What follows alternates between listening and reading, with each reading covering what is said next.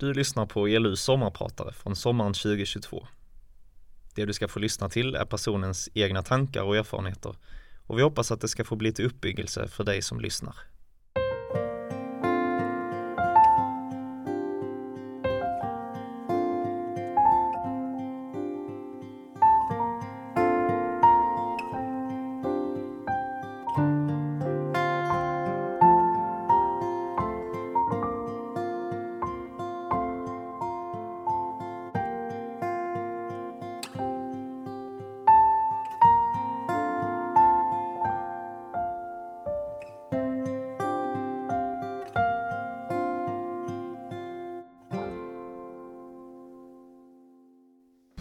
Grekiska står det arv här. Vad betyder det att slavkvinnans son inte ska dela arvet? undrar Jim. Jim hjälper oss att slutchecka Galaterbrevet och vi jobbar med kapitel 4, vers 30. Där det står att slavkvinnans son inte ska dela arvet med den fria kvinnans son.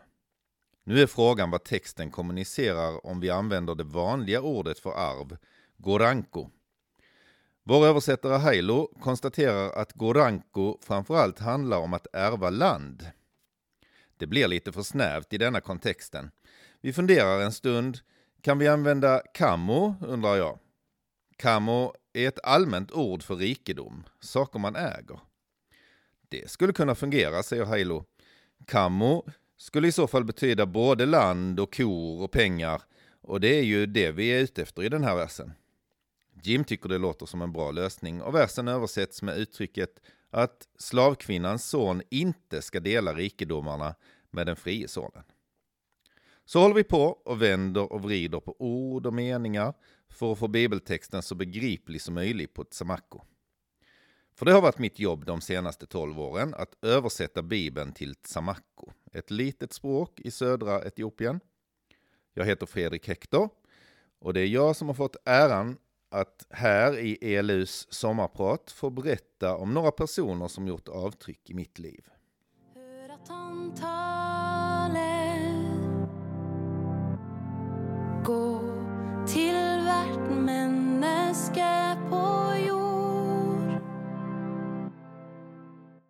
Vi har väl alla någon från uppväxten som betytt extra mycket.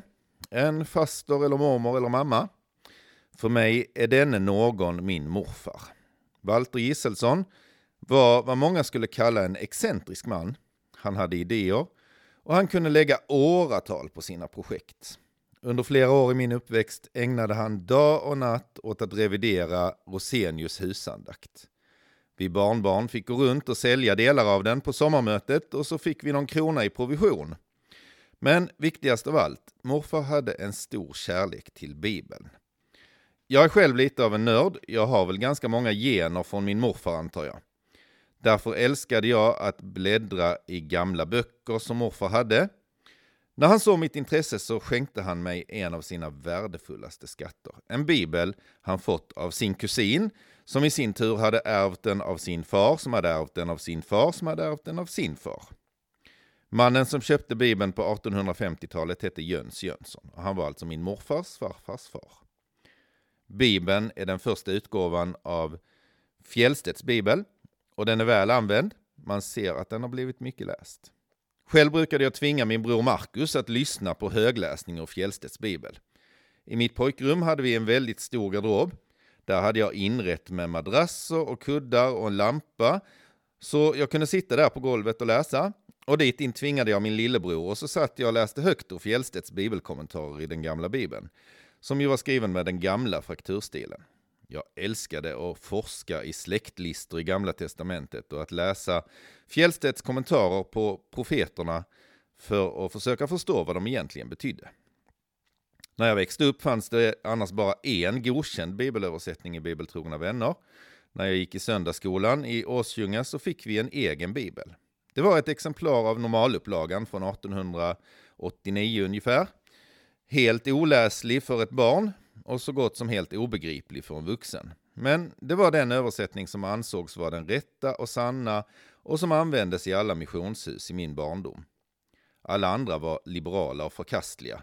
Men morfar, han hade upptäckt Bo Gerts översättning och han köpte den till oss barnbarn och så band han ihop den med 1917 års gamla testamente som var den enda nyare översättning av GT som fanns. En enormt tjock bibel blev det, men vi var glada för den och så småningom så gav man också ut den på BV förlag. Som nyutbildad läkare valde morfar att åka till Etiopien med sin familj i slutet av 40-talet. Han arbetade för Bibeltrogna vänner som läkare i Asella i fyra år och han åkte tillbaka ytterligare en period på 60-talet utan familjen. Så kärleken till Etiopien kommer från morfar. Det har varit en viktig del av min uppväxt. Hemma hos mormor och morfar fanns det massor av etiopiska prylar och vi åt ofta etiopisk mat på våra födelsedagskalas. Min morfar var inte invigd missionär. Men han var en missionär i hela sin existens. Han pratade alltid om Jesus med människor. Kom det lastbilschaufförer från Sovjetunionen och pausade vid macken i Örkelljunga så var han genast där och gav dem ryska biblar. När vi var barn tog han alltid med oss till Vinslöv på somrarna för att ordna barnmöten. Då åkte vi runt på alla lekplatserna i byn och så gick morfar runt bland barnen och sa Kom till tältmötet ikväll så ska ni få läsk. Lite pinsamt tyckte vi nog det var när vi började bli lite äldre, men barnen kom och många kan vittna om vad morfar betytt för dem i Vinslöv. Mormor och morfar hade 29 barnbarn, fördelade på fyra familjer. Jag var äldst av alla. Jag upplevde nog att jag var speciell för morfar. Men det intressanta är att när jag pratar med mina kusiner så har alla samma upplevelse. Jag var speciell för morfar. Han såg mig och brydde sig om mig. Han tog sig tid med just mig. Det var en väldigt speciell stund när morfar dog i hemmet i Västra Spång efter en tid med cancer. Han låg där fint i sin säng med händerna knäppta över bröstet och vi samlades så många vi kunde av kusinerna för att säga ett sista farväl. Och jag tänker fortfarande ibland för mig själv att jag hoppas att morfar hade varit stolt över mig. All my life you have been faithful.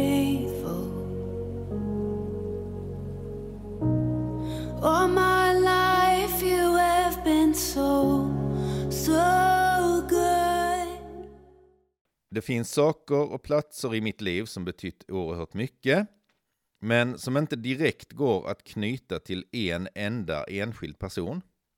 Missionsgården Strandhem är en sån plats. Det var under de åren som jag jobbade där som jag gjorde mina första resor till Afrika och Sydamerika tillsammans med mina elever på bibelskolan. Det var fantastiska år jag fick där och jag saknar ofta livet som bibelskolelärare. Men efter 11 år var tiden mogen att gå vidare och det råkade sammanfalla med att jag träffade Karin Elisabeth Wittersjö.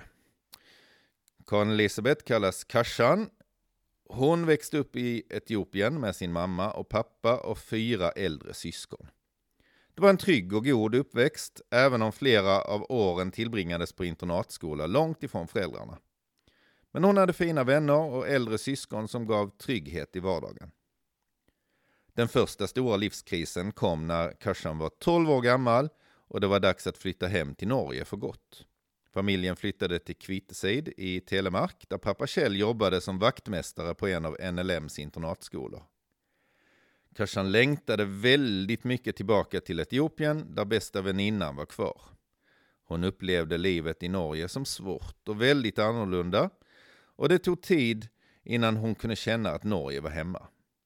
Men hon fick några goda väninnor i högstadiet som hon fortfarande har kontakt med. Men hela tiden var längtan tillbaka till Etiopien där.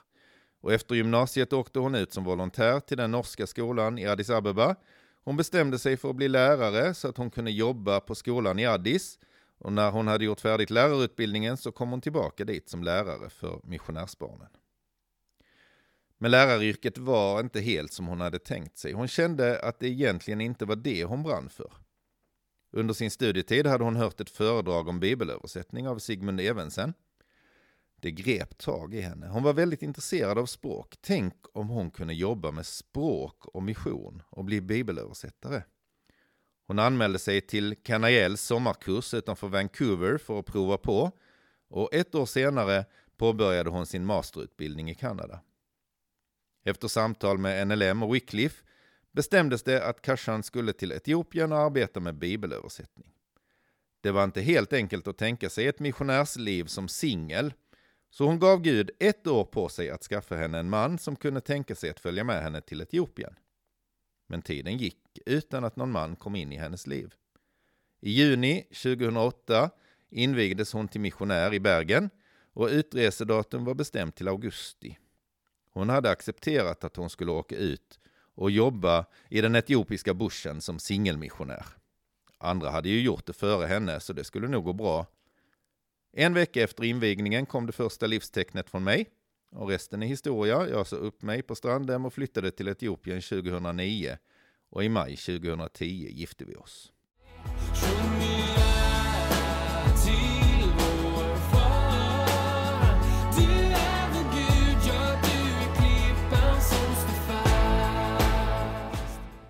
När Jonas Baila var liten fick han passa sin pappas getter. Och när han gick runt i landskapet grubblade han mycket. Han undrade över meningen med livet. Vad händer om himlen ramlar ner på oss, tänkte han. Han undrade var man kan hitta Gud. Han visste att det fanns någon som hade skapat allting. Han kallades Wacko av de vuxna. Men den guden som hade skapat allt hade inte så mycket med oss människor att göra. Det mesta av livet styrdes av förfädernas andar och andar som bodde i skogen eller vattnet. Jonas pappa var trollman, så han visste mycket om hur man förbannar folk och hur man offrar till andarna. Men Jonas ville träffa Wacko, skaparguden. Så Jonas bestämde sig för att söka upp Gud. Han gick högst upp på fjället för att se om Gud fanns där, men han hittade inte Gud på fjället. Han gick långt ut i skogen för att se om Gud fanns där, men han hittade inte Gud där heller.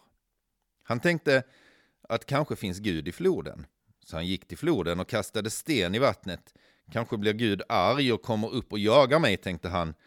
Då får jag ju se honom, men Gud kom inte upp ur vattnet.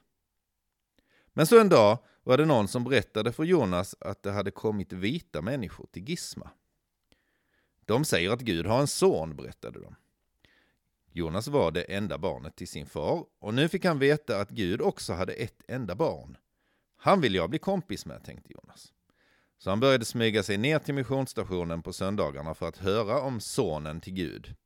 Han lämnade getterna i fjällen och smög sig ner till Gisma. Men det dröjde inte länge innan hans far fick reda på vad han höll på med. Han blev rasande och jagade Jonas hemifrån. Jonas var i tioårsåldern och hade nu ingenstans att ta vägen.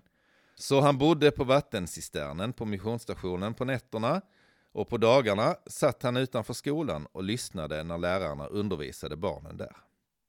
Så småningom var det dags för slutprov och läraren frågade Jonas om han ville göra testet. Det ville han. Jonas var näst bäst i klassen, utan att ha suttit med inne i klassrummet överhuvudtaget. Så läraren erbjöd Jonas att få gå i skolan.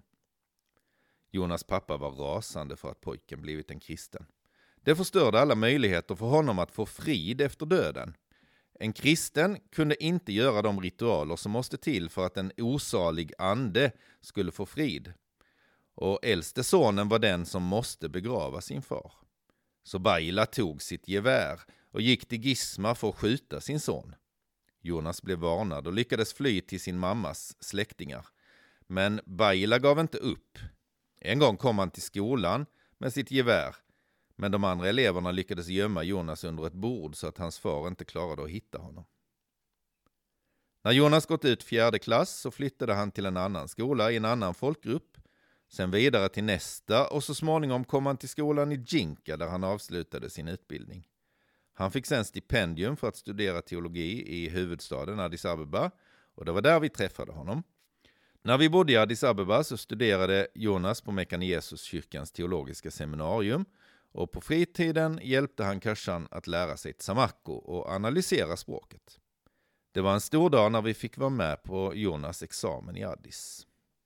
Och tro det eller ej, Jonas pappa kom upp från Vojto för att vara med på högtiden. Han blev till och med intervjuad på tv eftersom Jonas var den första från sin folkgrupp som tog en högre examen. Det är fint att han har fått gå i skola, sa pappan på tv. Men nu hoppas jag att han kommer tillbaka och tar hand om djuren. Jonas blev vår första översättare och han är fortfarande en viktig del av vårt översättningsteam. Han är oerhört intelligent och har en stor känsla för språk och poesi. Jesus, bara Jesus En uendelig kärlighet Ufattelig dyp och bred Hösten 2011 flyttade vi till Gisma. Gisma ligger i Rift Valley. Det är lågland och halvöken och väldigt varmt och torrt.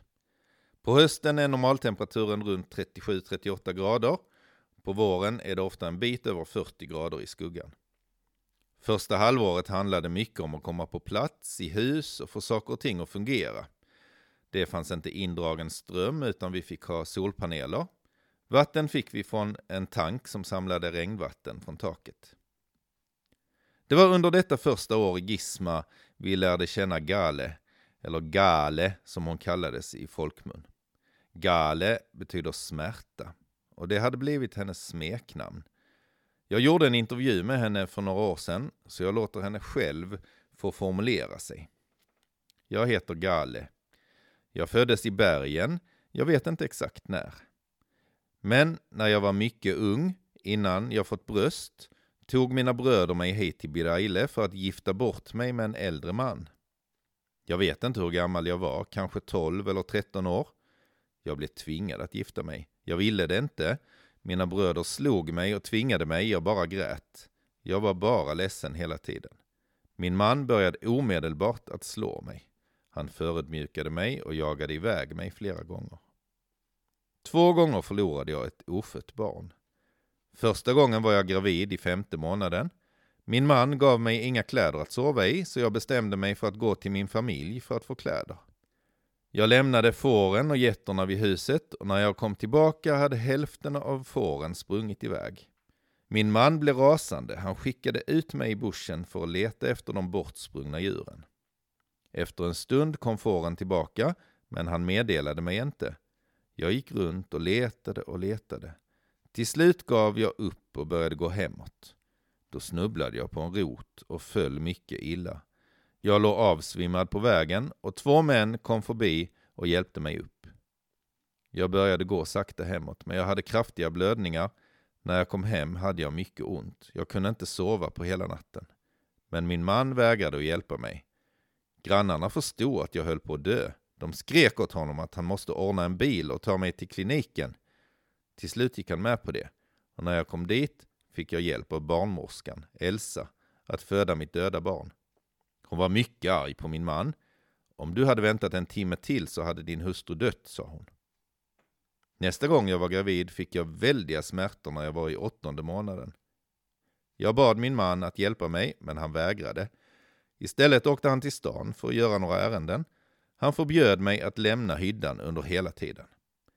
När han kom tillbaka några dagar senare hade jag fruktansvärda smärtor och då gick han med på att jag fick gå till kliniken. Så jag började gå de 25 kilometerna till Gisma. Men när jag hade gått i 15 kilometer blev jag mycket trött. Jag gick in till några släktingar, till min man, och en av dem var kristen. Han bad för mig och det dröjde inte länge innan verkarna satte igång och jag födde ut ett dött barn.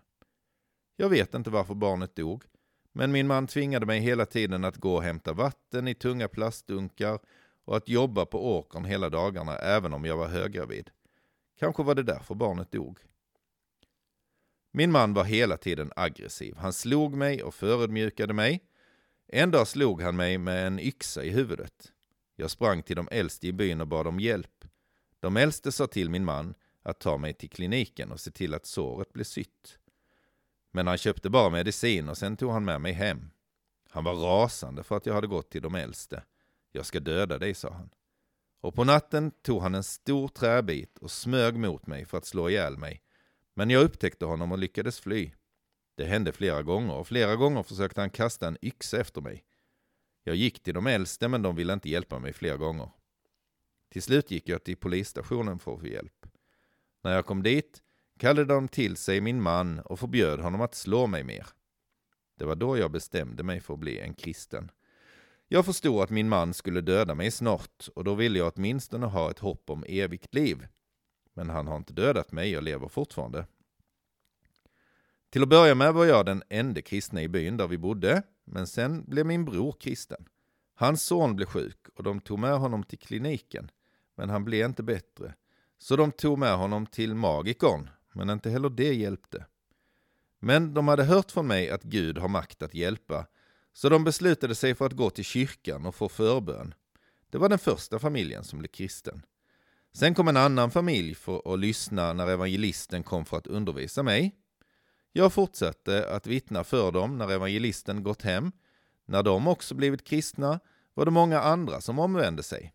Nu är det mer än 50 kristna i byn och vi har byggt en egen kyrka. En dag gick jag till åkern tillsammans med en väninna och hennes dotter. På vägen hem mötte vi en man som såg ondskefullt på oss och jag började be till Jesus. Sen tog mannen av sig sina kläder och började gå efter oss. Min väninna blev mycket rädd. Nu har vi problem, detta är inte en bra dag för oss, sa hon. Men jag svarade henne, den Gud jag tror på kan hjälpa oss och rädda oss, var inte rädd. Den Gud jag tror på är en Gud som hjälper och han är nära oss även om vi inte kan se honom. Och Guds ord säger att ingen som åkallar hans namn ska komma på skam. Vi fortsatte att gå, men mannen började springa efter oss. Han kom nästan ända fram, sen tvärstannade han. Vi gick vidare och efter en stund började han springa efter oss igen, men tvärstannade precis innan han kom fram till oss. Det upprepades tre gånger och när vi kom hem igen sa min väninna om du inte hade varit med oss hade vi inte kunnat komma undan den mannen. Så din Gud är sann. Jag såg hur Gud kan hjälpa. Och så bestämde hon sig för att bli en kristen. Livet har inte bara blivit enkelt för att jag är kristen. Min man fortsatte att trakassera mig ända fram tills jag fick mitt andra barn. Då sa han till mig, jag vill inte röra dig, gå din väg. Du kan gifta dig med någon annan. Jag blev ledsen och försökte prata med honom men han vägrade att lyssna. Vad har jag gjort för fel? frågade jag. Men han svarade bara att han inte ville ha med mig att göra mer. Så han har lämnat mig ensam med två barn. Gud har beskyddat mig och jag lever fortfarande. Även om det kommer lidanden och svårigheter så är det bästa för mig att hålla mig till Jesus och så får han placera mig där han vill ha mig.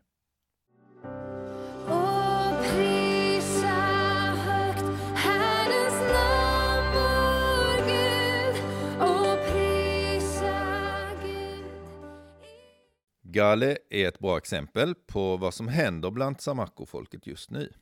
När vi flyttade till Gisma 2011 räknade vi till ungefär 100 kristna i folkgruppen. Sen hörde vi historien om Gale. Och så började vi höra andra historier.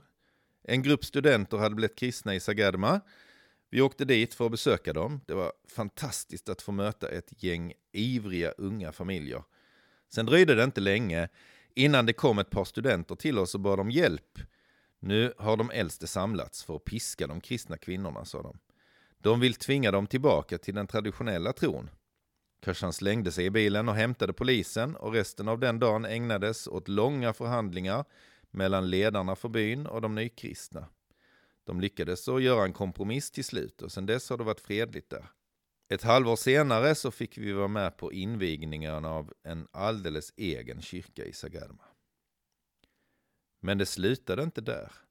De nykristna i Sagarma var ivriga att gå vidare med evangeliet. De gick till grannbyn Bora, en by känd för trolldom och onda andemakter.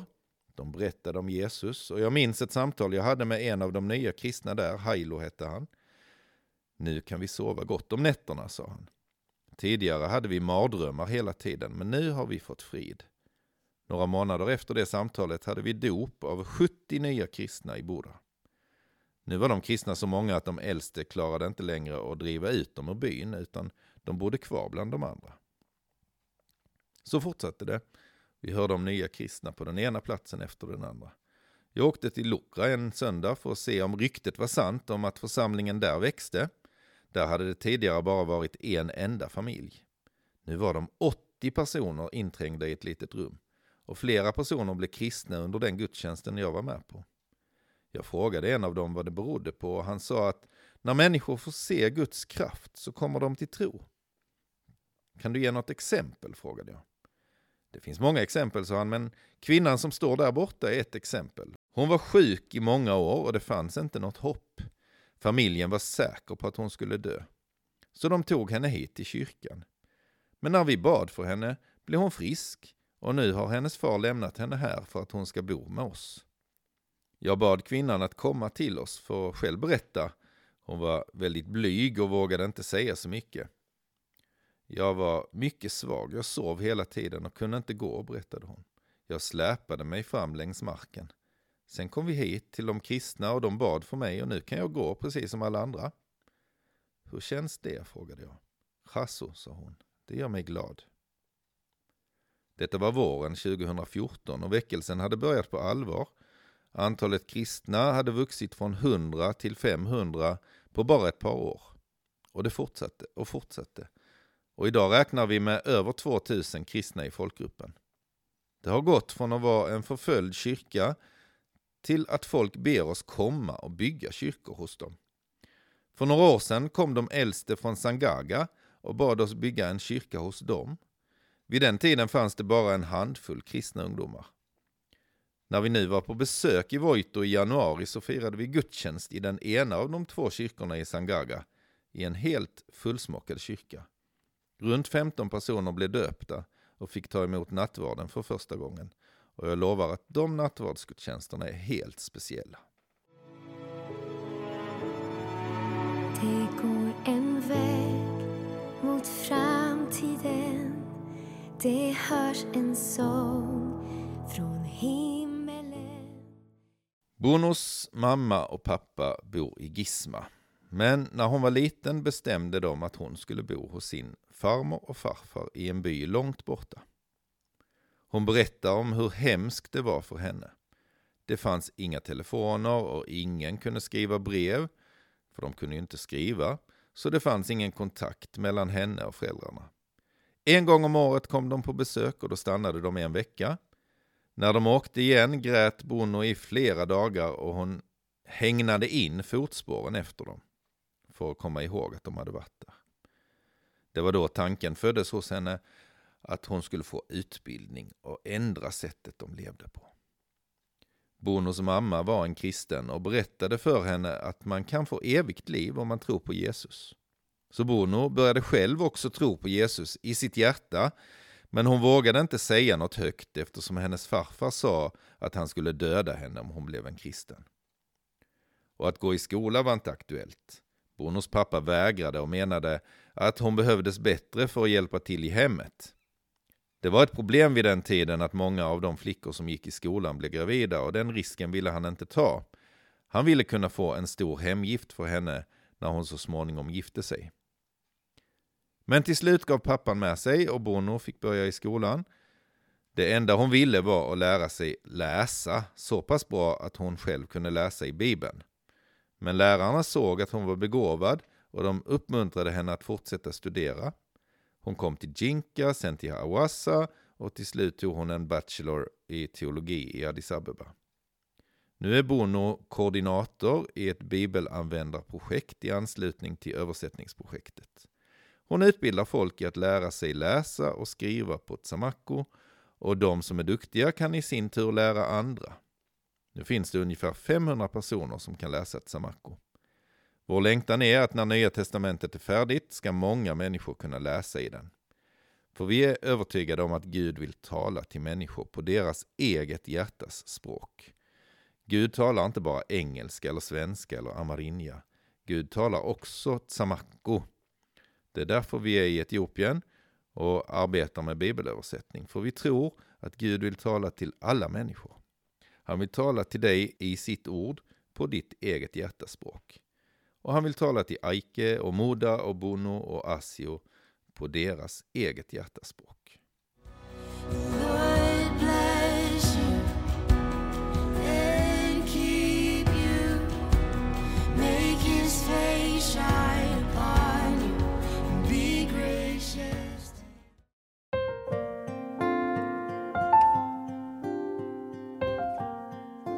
Du har lyssnat på ELU sommarprat. Du hittar våra andra avsnitt i ELU-arkivet i din podcast-app, på Spotify eller på elungdom.se. Där kan du dessutom ge en gåva eller bli månadsgåvogivare till ELU. Tack för att du lyssnat och ha en riktigt skön sommar.